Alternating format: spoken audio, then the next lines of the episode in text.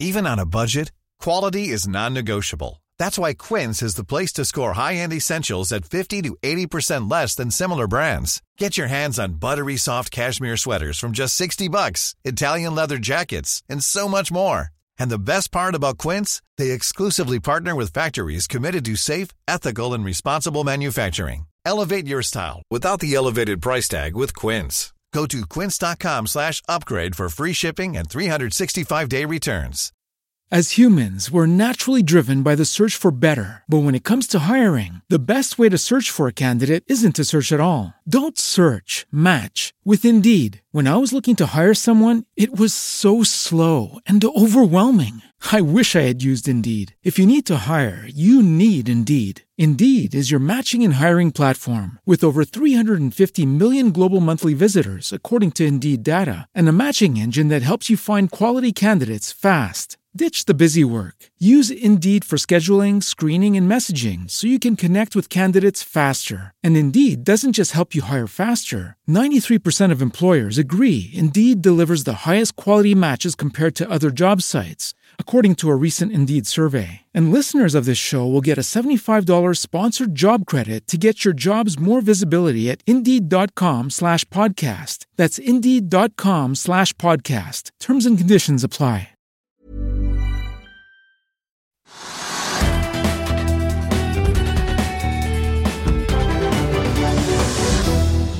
En riktig god onsdag og velkommen til Økonominyhetene. Vi er halvveis ut i børsuken idet kalenderen altså viser 23. november. Og i dag blir det mer om krisen i Credit Suisse, litt om fotball og finans, og vi skal ta tempen på industri, olje og fornybarsatsingene i Nord-Norge. Men la oss begynne med å titte på markedet akkurat eh, nå. En saftig opptur jevnt over linjen i går. Hovedveksten her hjemme endte jo opp 2,06 og i dag så vi en oppgang på inntil 1,2% på det meste litt tidligere i dag, men noe av piffen har gått ut av ballongen. Nå ligger vi opp 0,18% på Oslo Børs. Det kan være at vi begynner å tikke nedover mot nullpunktet mot slutten av børsdagen. Det skal vi holde et øye med. De tyngste loddene rundt bena på hovedveksten eh, akkurat nå i dag er shippingaksjer som Avans Gass, Stolt-Nielsen og American American Shipping Company, i tillegg til seismikkselskapet PGS og Acetec, som også bidrar til å holde igjen. Vi ser at en god del oljeaksjer derimot, og da rekke Silicon bl.a., trekker i andre retning. I USA i går så steg Wall Street jevnt over i et bredt rally. Dow Jones opp 1,2% SMP 500 1,4 og Nasdaq også 1,4. Og det var da stort sett oppgang i det aller meste av aksjene i Dow Jones-indeksen. I morgen er det thanksgiving, og dermed roer markedene seg i USA ganske ganske mye nå utover uken. Vi jo da, får jo da en del makrotall litt tidligere enn vanlig i dag, inkludert da Jobless eh, Claims. Og eh, I dag er futuresene på Wall Street fortsatt i eh, grønt. og Ser vi rundt oss i Europa, så er det også grønt på alle de store indeksene, med unntak av Tyskland, der vi er så vidt i eh, minus. Nordsjøoljen har falt ganske mye tilbake utover dagen. Ligger nå på 85 dollar og 40 cent, ned 3,3% Det er jo ganske mye ned, for vi så jo da 89-tall i spotmarkedet litt tidligere i dag. Hvis vi ser på den amerikanske lettoljen, så er den ned 3% til 78,80 omtrent, og den har jo vært godt over 80 på 80 81,90 på det aller meste. Og det er jo nå store stigninger i oljeprisen. Det er mye spekulasjoner om dette pristaket på russisk råolje. EUs kommende embargo på råolje som utgangspunktet skulle tre i kraft 5.12. Og så har vi da oppseilingen også selvfølgelig til OPEC pluss-møtet som da skjer 4.12. Så ganske mange brikker i spill i råvaremarkedet. Apropos holdt jeg på olje og gass, Flex LNG klatret 3,5 i dag etter å ha meldt om nye time charter-avtaler som da eh, er forlengelser av de time charter-avtalene de har med amerikanske Chenier, dette LNG-selskapet i USA. og Det omfatter da Flex Endeavour, Ranger og Vigilant, og gir et solid påfyll i ordreboken til Flex LNG. Ekornes meldte i dag at eh, konsernsjef Roger Lunde slutter på dagen. Han begynte i jobben i februar 2020, og det er inntil videre finansdirektør Fredrik Ødegaard Nilsen som stepper inn som konstituert eh, konsernsjef i eh, møbelprodusenten, frem til da en permanent arvtaker er funnet. Litt biotek, Newcode Therapeutics, er ute med sine tall. De fikk et negativt resultat på 19,1 millioner dollar i tredje kvartal, mot da 10,3 på samme tid i fjor. Det er jo da så vidt litt omsetning i selskapet som fortsatt er i utviklingsfasen. Aksjen er ned drøye halvannen prosent i dag, til litt over 25 kroner aksjen. PCI Biotech de er også ute med sin tall, fikk et resultat for skatt på minus 10,7 millioner kroner, mot eh, et underskudd på 21,4 på samme tid i fjor. Aksjene tikker oppover nesten 8% til snaue 1 krone og 90 øre. La oss i Finansavisen hjelpe deg med å holde deg oppdatert på alt som skjer i finans og næringsliv. Hver morgen er jeg, Marius Lorentzen, og aksjekommentator Karl Johan Målnes på plass i studio for å ta tempen på dagens marked i Børsmorgen. På ettermiddagen oppsummerer vi alt du trenger å vite i økonominyhetene, og så får vi selvfølgelig besøk av masse interessante gjester. Du finner oss på fa.no-tv, eller ved å søke opp Børsmorgen og Økonominyhetene der du hører på podkast. Planning for your next trip? Elevate your travel style with Quince. Quince has all the jet-setting essentials you'll want for your next getaway, like European linen, premium luggage options, buttery soft Italian leather bags, and so much more. And it's all priced at 50 to 80% less than similar brands. Plus, Quince only works with factories that use safe and ethical manufacturing practices. Pack your bags with high-quality essentials you'll be wearing for vacations to come with Quince. Go to quince.com slash trip for free shipping and 365-day returns. I'll see you in court. Vi sier det ofte litt på spøk, men for deg som driver business, er det aldri moro å innse at du ikke har laget en 100% gyldig kontrakt. Du bør ikke risikere hele firmaet ditt fordi du synes dette med kontrakter er litt stress. En avtale er ikke en avtale. Du kan miste kunder, miste venner, ja, til og med miste inntekter om du ikke lager en skikkelig kontrakt, på alt mulig, egentlig. Men vi vet det er et styr. Kopimaskiner, tregprinter og haugevis av papir. Dessuten stoler vi jo på folk her i landet. Det er ofte litt kleint å skulle be om en signatur for alt mulig, ja, for mye av styret handler også om jakten på underskriften. Det finnes en enkel måte å løse dette på, Dukkobit, en trygg, effektiv og get this, gratis måte å sikre seg en god natts søvn pluss en juridisk bindende avtale. Dukkobit-appen har de strengeste sikkerhetskrav i bunn, samt en EU-godkjent og sertifisert teknologi. Framover vil det bli behagelig å spørre du, skal vi skrive under på det, eller? Kom i gang på dokobit.no.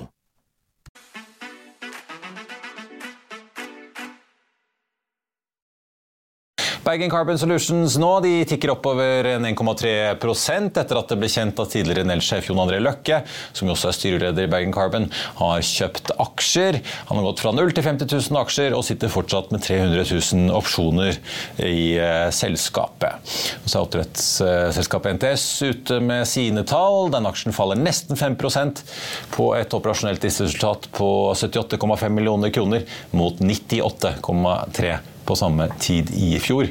Oslo Børs har da godkjent SalMars pliktige bud på resten av aksjene i NTS.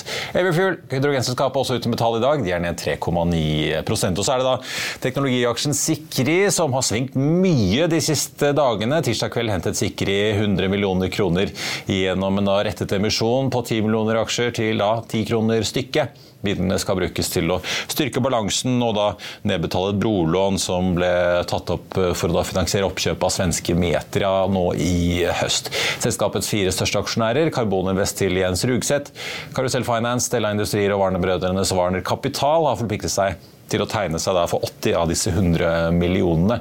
Aksjen endte i går på 11,70. Har svingt rundt emisjonskursen på 10 kroner i dag. Ligger akkurat nå på 9,72, eh, da ned nesten 17% Så må vi ta med Aker BP, da, som vi nevnte i Børsmorgen i morges. DNB Markets tror ikke lenger på at Wistingfeld til Equinor og Aker BP i Barentshavet blir noe av etter at eh, prosjektet ble satt på vent i fire år. Derfor tar DNB Markets nå ned kursmålet i Aker BP fra 435 til 420, i tillegg til, eh, måte i tillegg til at de har tatt ut av Wisting av kalkylen har de også lagt på kostnader for å regne inn da inflasjonen som de mener nå pågår jevnt over i prosjektporteføljen. Og Det gjør da at de tar av 15 kroner på aksjen. Aker BP er ned 0,9 i dag til 335 kroner og 20 øre. I motsetning til Equinor som er opp nesten 1,4 Og Equinor har meldt at eh, Bjørn Tore Godal har ønsket å fratre fra vervet sitt i Equinors styre, der han har sittet siden 2010. Inn kommer tidligere forsvarssjef Håkon Brun-Hansen, i hvert fall hvis da valgkomiteens innstilling blir tatt til følge. Og dette vil da ha effekt fra 12.12, gitt at formalitetene i avstemningen faller på plass. Fotball-VM i Qatar er i gang, og jammen meg er det ikke litt finans å finne opp i alt fotballsirkus om dagen. Vi skal se nærmere på hva som skjer i selveste Manchester United. Der Glazer-familien, som eier fotballklubben i dag, skal være interessert i å muligens selge. Bloomberg har sett nærmere på hvem som kan være på kjøpersiden. Who's likely to buy Man United, Joe? Um, I think most likely private equity, um, and I think you obviously saw that with Chelsea.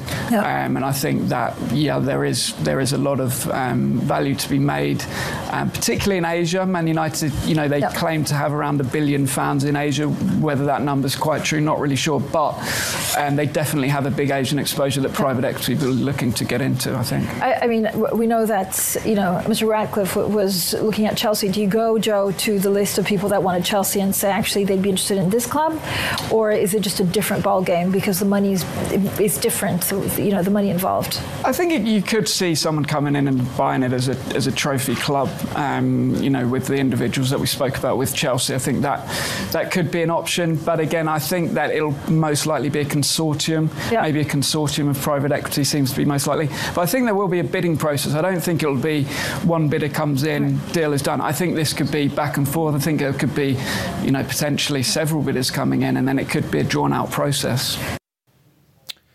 Og Da skal vi snakke om en del av landet der det både er mange som planlegger store industrisatsinger i årene som kommer, og som på ny har blitt høyaktuell og fått det globale sikkerhetspolitiske søkelyset på seg, gitt at selvfølgelig da landsdelen grenser mot Russland helt der oppe i nord. Og med oss nå har vi Kjell Gjevi, mangeårig leder for leverandørnettverket for selskaper i energisektoren i Nord-Norge, Petro Arctic, som i år har byttet navn til Arctic Energy Partners. Velkommen og takk for at du er med oss, Kjell, fra Bodø i dag. Du er en mann som ofte er på farten, men Teams sørger alltid for å koble oss på.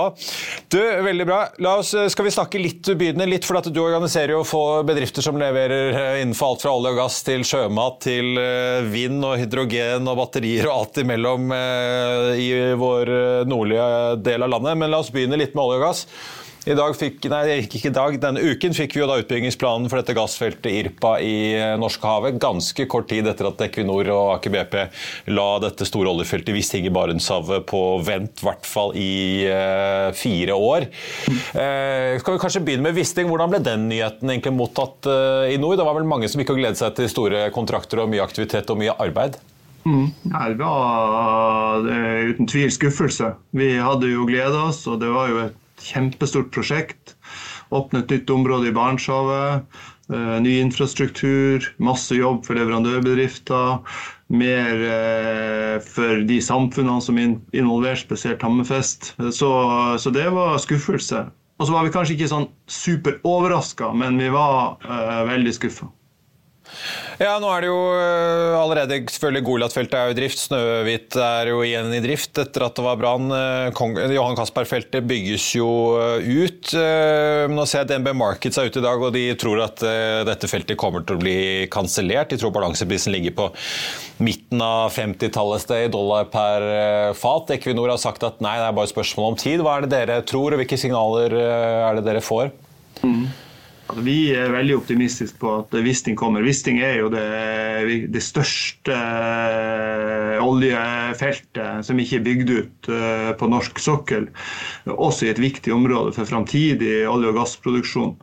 Eh, så tror vi at den situasjonen som er, man er i nå, med masse usikkerhet i markedene, med mange prosjekter, stort press på leverandørindustri, når det får roa seg litt, så tror vi dette prosjektet virkelig kommer eh, på skinnene. Og det er jo ikke nytt for Barentshavet. Barentshavet har jo, Det er jo denne historien på alle feltene. Det er jo samme historien på Goliat.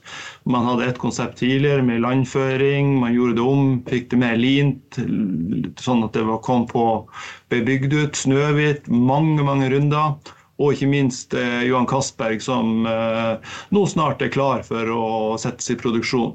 Så at det gås en ekstra runde på Wisting, det, det er skuffende, men vi har stor tro på at det kommer.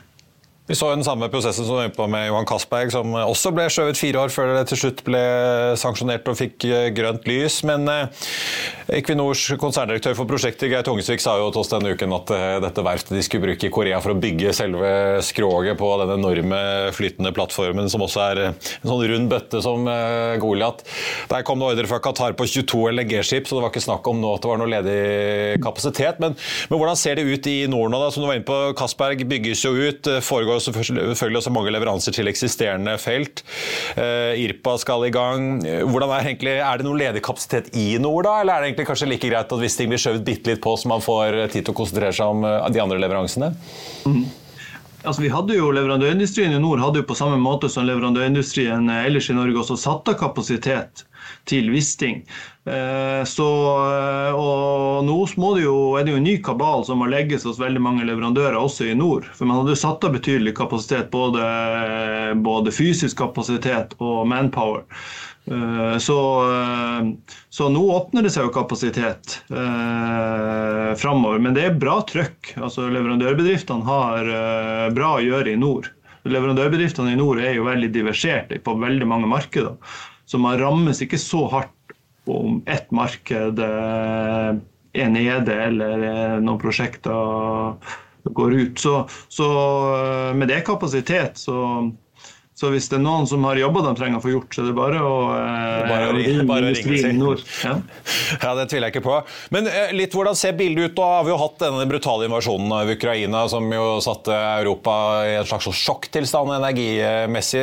Nå har det vært en relativt mild vinter så langt, men det var jo ganske mange som var ganske stresset. Og vi så jo veldig høye ikke minst av gasspriser på kontinentet tidligere i høst og i år. Eh, nå skulle jo Wisting-feltet innebære en ny gassrørledning fra Wisting Wisting ned til Castberg vil jo bidra med ny infrastruktur, mer aktivitet. Så kommer jo da selvfølgelig Castberg-feltet. Vi ser jo at uh, Vår Energi satser jo videre på Goliat, leting rundt uh, der. Åste Hansten bygges videre ut. Hvordan opplever dere på en måte interessen nå for å vurdere mer infrastruktur, mer leting, altså, og på en måte løfte Barentshavet og, og Norskehavet lenger opp på prioriteringslisten uh, etter Ukraina-invasjonen? Mm.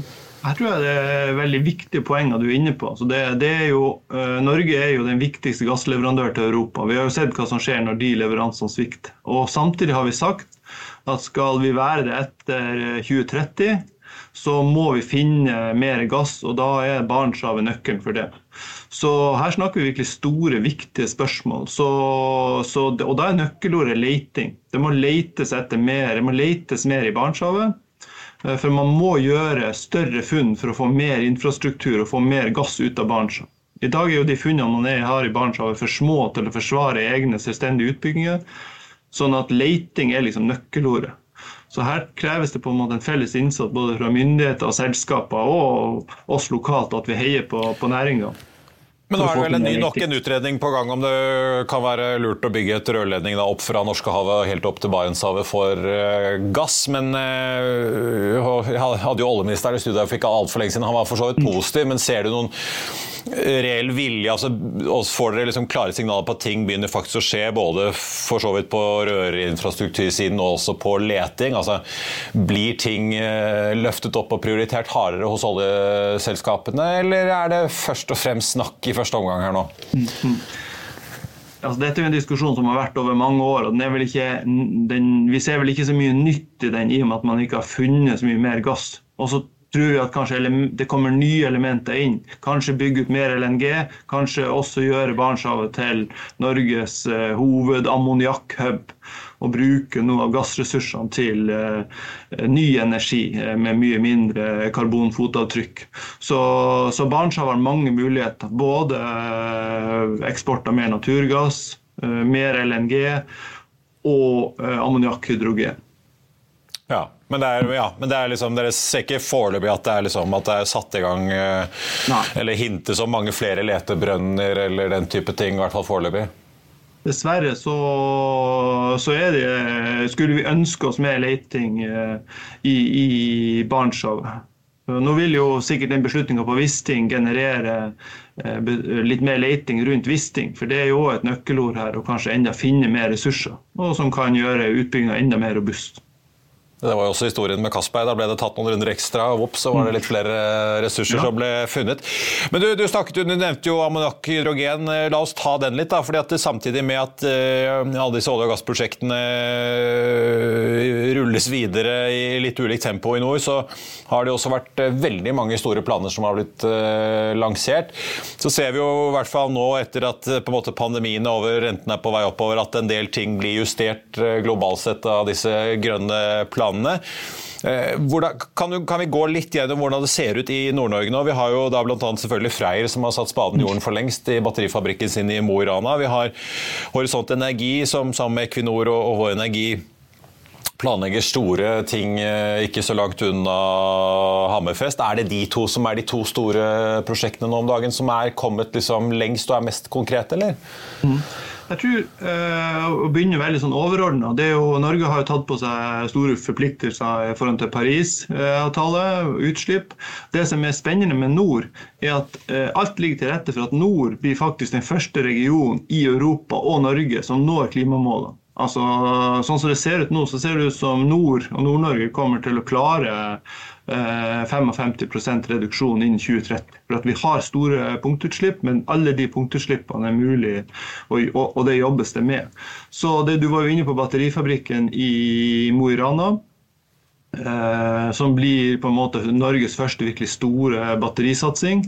Eh, det kommer jo hydrogenproduksjon i Bodø-området. Eh, et av de lengste fergesambandene i verden skal jo gå over på hydrogen. Så er det jo et stort ammoniakkprosjekt i som du nevnte utenfor Hammerfest, hvor man skal bruke naturgass og man skal fange karbon i Barentshavet. Også litt underkommunisert, for vi har jo to store karbonlager i Norge. Ett i Nordsjøen og ett i Barentshavet. Og så er det jo veldig spennende det Aker Horizon eh, sammen med Narvik kommune og aktørene i Narvik gjør i Narvik. Der har man jo også satt spaden i jorda. Eh, og begynt å forberede tomt for eh, ny industri. Så har vel Aker Horizon ikke helt bestemt seg for hva man skal gjøre. Eh, men der er også spaden satt i jorda. Og så ikke minst er det jo vi har jo litt prosessindustri, eller vi har jo mye prosessindustri i nord. Og på alle disse prosessindustrianleggene jobber man med konkrete prosjekter for å redusere eller få nullutslipp. Både på aluminium, på ferrosilisium eh, og på andre store eh, utslippspunkt i nord. Men er det, er det noen ting som dere ser har blitt liksom kansellert eller utsatt i det hele tatt, eller ser det ut som de fleste av disse prosjektene som har blitt annonsert, ruller og går videre? Mm. Det, du kan si at det, De fleste prosjektene ruller og går videre med veldig høyt og godt tempo. Det som også er utfordring i nord, er jo Eh, kraftinfrastruktur. Eh, så det, jo, det vi ser av prosjekter, kommer jo langs eh, motorveien, 420 kV motorvei. Og det gjør jo at de prosjektene som ligger utenfor denne, får en lengre reise med å bli realisert. F.eks. et veldig spennende prosjekt i Berlevåg, hvor man skal produsere hydrogen og ammoniakk direkte fra vindkraft. Hvor man, hvor man ikke har kraftlinjer. Mm. Jeg hørte Fredrik Hauge i Bellona denne uken på et arrangement i regi av Norsk Industri og NHO eh, mente at uh, lykke til de som trodde at det gikk å trekke en ny sånn uh, høyspentledning over Skaidi og ned til Hammerfest for å elektrifisere Melkøya. Mm. vi ser jo også i sør at det tar tid å bygge ut nett, men altså det, kan en del av disse prosjektene rett og slett slite med at man klarer kanskje ikke å få tidsnok rullet ut de nødvendige nettledningene? Det er jo sånn på sin plass å hilse til Fredrik Hauge og si at uh, den kraftlinja kommer uh, til uh, Hammerfest. Og den kommer til å være viktig for å, å, nå det som han også er opptatt av, på samme måte som oss, å redusere utslipp. Så, så, vi gleder oss til den linja kommer. Så, så, men det er klart at det er en utfordring at dette skal gå over store naturområder hvor det er flere interessenter. Men det skal vi løse. Det skal vi løse på en god måte. Som man gjør det til havs, så skal vi også klare å få det på, til på land. Det, det skal vi klare å få til i nord. Til slutt, Kjell, vil jeg bare høre med deg. Eh, vi ser i hvert fall På nasjonaltall så har vi jo en veldig lav ledighet i Norge om dagen. Det går jo egentlig veldig bra med norsk økonomi, selv om eh, Norges Bank prøver å jekke opp renten og få oss til å kjøle ting litt eh, ned. Er liksom rekruttering en stor utfordring for å få realisert alle disse store investeringene, eller hvordan ser det ut? Det er en kjempestor utfordring. og det er På samme måte som det er utfordring eh, i hele Norge, så er det også en stor utfordring i nord. Så vi er jo avhengig av eh, arbeidskraft fra hele verden. Og at det er fleksible, gode ordninger. Så, og ikke minst at uh, ungdom i nord uh, blir i nord og kommer tilbake til nord.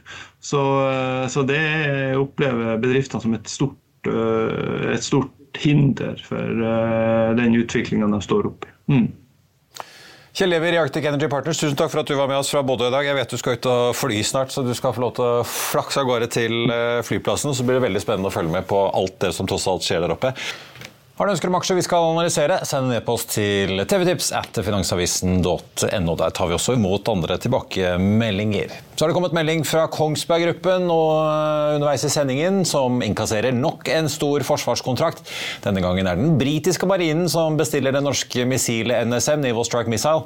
Og de skal utstyre flere fregatter og destroyere med det norske avanserte missilet, som altså erstatter Harpun, som skal tas ut av drift eh, allerede neste år. Det opplyser Kongsberg Gruppen i børsmeldingen. Nøyaktig hvor mye kontrakten med britene er verdt, sier Kongsberg Gruppen at de ikke kan opplyse om. En rekke land utover Norge har jo valgt NSM opp gjennom årene. I september meldte det Kongsberg Gruppen at Spania var den nyeste kunden på listen eh, hos NSM, og at USAs marine da hadde bestilt ytterligere NSM-utstyr og missiler for over 300 millioner under en rammekontrakt de inngikk med det norske konsernet i 2018 på 7,8 milliarder kroner. Kongsberg-aksjen ligger ned 1% så langt i eh, dag. Vi må innom den europeiske bankindustrien og kriserammede Credit Suisse, der milliardene bare har rent ut den siste tiden. Ja, Nærmere bestemt har kundene i de første ukene i oktober bare trukket ut 88 milliarder dollar fra bankens forvaltning, altså nærmere 900 milliarder norske kroner. Banken har varslet et forventet tap tilsvarende rundt 15 milliarder kroner i fjerde kvartal. Og Bloomberg har mer om hvor Credit Suisse nå står, og hva som kan skje videre. Now, Credit Suisse shares have fallen after it warned it will book a loss of up to 1.6 billion Swiss francs for the fourth quarter. Now, it comes as the embattled Swiss lender undergoes another sweeping overhaul. Now, for more on all of this, let's bring Bloomberg's Charlie Wells. So, Charlie, good morning. You're keeping us smarter on what's happening at Credit Suisse. I mean, asset outflows were huge, and it feels like every week there's a problem at Credit Suisse. Like, how do they get out of the spiral? Yeah, so, Francine, this was supposed to be a day of turnaround for Credit Suisse, but it's instead, in just a few hours, turned into a day of turmoil. So shareholders are voting in Zurich today on a plan to raise $4 billion in capital. This is a part of that turnaround plan. But of course, what we are seeing in this announcement from Credit Suisse is bad news not just for its investment banking unit, which we sort of predicted, well, we've known about for a long time, but also out loss projections and outflows from wealth and asset management in the end of the third quarter, uh, totaling to about $90 billion, which analysts from JP Morgan have just said is concerning. So, what does that mean for how, how shareholders will vote at the extraordinary general meeting today? This is tricky. So, proxy advisors have been telling shareholders that they should vote in favor of this change, of this capital raise of $4 billion.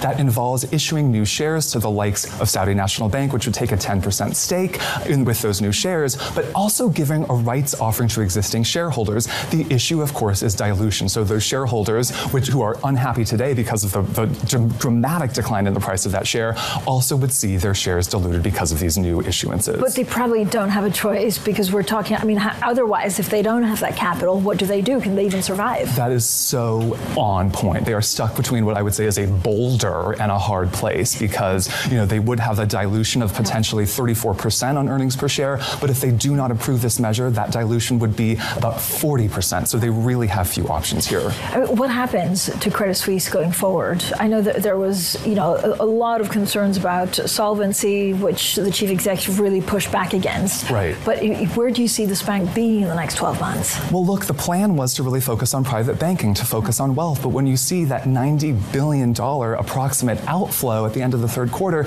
you just think this is a real challenge of trust. And banking at the end of the day is about trusting someone to be a custodian of your money. And what we're seeing from these client outflows is that trust is in short supply at Credit Suisse right now. Eh, do, do we know where these outflows are going? Is there another bank that's benefiting? I think that will come to light in the days ahead. Of course, you know, there are other banks in Switzerland. This is just Switzerland's second largest um, lender. We know that, you know, Credit Suisse had kind of set itself apart by being the bank that did not need to take a government bailout during the financial crisis. Other banks in that country did, but that may have created an atmosphere inside the bank of risk taking, of failure to check on compliance in the way that other banks that did struggle perhaps more in the financial crisis did not. Og Credit Suisse melder i ettermiddag at begge forslagene om emisjoner, både den rettede og reparasjonsemisjonen rettet mot eksisterende aksjonærer, da har blitt vedtatt med over 90% flertall. Da får vi også ta en titt på øh, aksjene som preger dagen i dag. Anders Karlsen i Kepler hever jo da Frontline. Vi snakket om tank på børsmålen i morges fra 145 til 199 kroner på kursmålet. Gjentar kjøp. Lars Østreng i Arctic Security, som vi hadde besøk av da i børsmålen, har jo også kjøp på sektoren, men da poengterte at vi kan se litt fall i kursene nå på kort sikt, øh, grunnet noe av de, øh, de faktorene som da kan presse kursen nedover, inkludert da eventuelt da en flytting av EUs råoljeembargo. Karlsen i Kepler sier at eh, tankmarkedene har styrket seg, og at de hever spotrateprognosene sine på kort sikt for å reflektere dette. Tidligere i uken har vi jo sett eh, tankrater på over 100 000 dollar dagen. Falt noe tilbake i går, da, særlig da VLCC-ratene. Ellers så er jo da Hafnia en av aksjene som både er mest omsatt i dag, men også mest eh, ned. Ned 5,8% Produkttankrederiet ligger inne på en andreplass. I går så ble det jo kjent av en flaggermelding av styremedlem Erik Bartnes i Hafnia. Selger unna en drøy halv million av de 2,5 millioner aksjene han satt på. Den aksjen er jo opp over 250% så langt i år. Ellers på listen vi mest omtalte aksjer. Equinor opp 0,8, Aker BP ned 1,1 etter at DNB Markets eh, annonserte i morges at de tar kursmålet noe ned, beholder kjøpsanbefalingen etter at de da har tatt hele Wisting-feltet ut av eh, sine estimater, ettersom de ikke tror det blir noe av. Frontline 2,3% eller omsetning også i Rexilicon, opp 6,7% Så har vi sikret da tekstselskapet også på listen over de mest omsatte aksjene i dag, med en omsetning på 109 millioner. Der er det da annonsert en rettet emisjon som står for 100 av de 109 millionene til 10 kroner aksjen. Den aksjen ligger nå fortsatt ned over 16% til 9,79. Vi så jo at den lå på emisjonskursen, men nå har den altså falt bitte litt under. Den endte jo da på 11,70 i går. Ellers Vår Energi, det andre store oljeselskapet på Oslo Børs, opp 0,1 Flex LNG stiger 3,4% på da nyheter om forlengelser av kontrakter på flere av skipene deres. Så må jeg også ta med nesten Flyr-aksjen, som vi jo holder et øye med i disse tider. Der er det jo fortsatt sånn da, at man har gjennomført første av fire deler av denne store kapitalhentingen på totalt da og potensielt får jeg si 700 millioner kroner. Foreløpig har man hentet inn 250 millioner. Så gjenstår det 100 millioner da i reparasjonsemisjonen i del i første halvdel. Eh, men den tegningskursen på den er jo ett øre. Aksjen ligger foreløpig på 0,75 øre. Så skal vi se at folk vil tegne seg, så må nok den kursen opp Eh, over øret, i hvert fall. Ellers er jo da Nycode ned 2,7% på sine tall. PCI Biotech opp eh, litt over 7% på deres tall. NTS ned nesten 5% Og så får vi også slenge med Kongsberg Gruppen, som fortsatt ligger eh, ned en rundt prosent. Ikke store reaksjonen etter nyheten da om at den britiske marinen altså velger NSM-missilet, som betyr at Kongsberg Gruppen innkasserer nok en stor forsvarsordre. Vi har jo sett flere av de de siste årene. Hovedindeksen på Oslo Børs er nå negativ, så vidt minus 0,1% Vi har jo sett uh, hovedindeksen ligge opp over prosenten litt tidligere i dag, men har mistet mye av oppdriften. Mye av det skyldes nok at oljeprisen er ganske mye ned, mot 3,9% til 84,80. Og vi så da 89,04 på det aller høyeste i spot i dag. Den amerikanske lettoljen fortsatt nedover. Fra 80 ligger nå på 77,90. Der var vi også da godt over 80 grensen litt tidligere i dag. Og I Finansavisen i morgen så kan du lese Trygve Egnars leder om at skatteskruen skrus til, og at kraftselskapene også skal tas. Det blir intervju med næringsminister Jan Christian Vestre, som snakker både om sin forkjærlighet for batterifabrikker og sjømat. Og du kan lese hvorfor Finans Norge-sjef Ida Kreutzer ser tegn til en klar oppbremsing foran seg. Så det er mye å kaste over når avisen kommer digitalt klokken 21 i kveld, eller da på dørmatten eller i postkassen i morgen tidlig. Men her og nå så må jeg bare si takk for følget. I morgen så kommer jo bl.a. Oddfjell Drilling og Adevinta med sine kvartalstall. Og de tallene og en prat med aksjesjef Fredrik Lunde i Carnegie står på menyen når vi fyrer i gang Børsmorgen 08.55. Og så er det selvfølgelig da Økonominyheten igjen 14.30. Da får vi besøk av JP Morgan. Men takk for følget i denne omgang. Hold deg oppdatert på fa.no når det måtte passe deg. Og så ses vi igjen i morgen alle sammen. Takk for meg.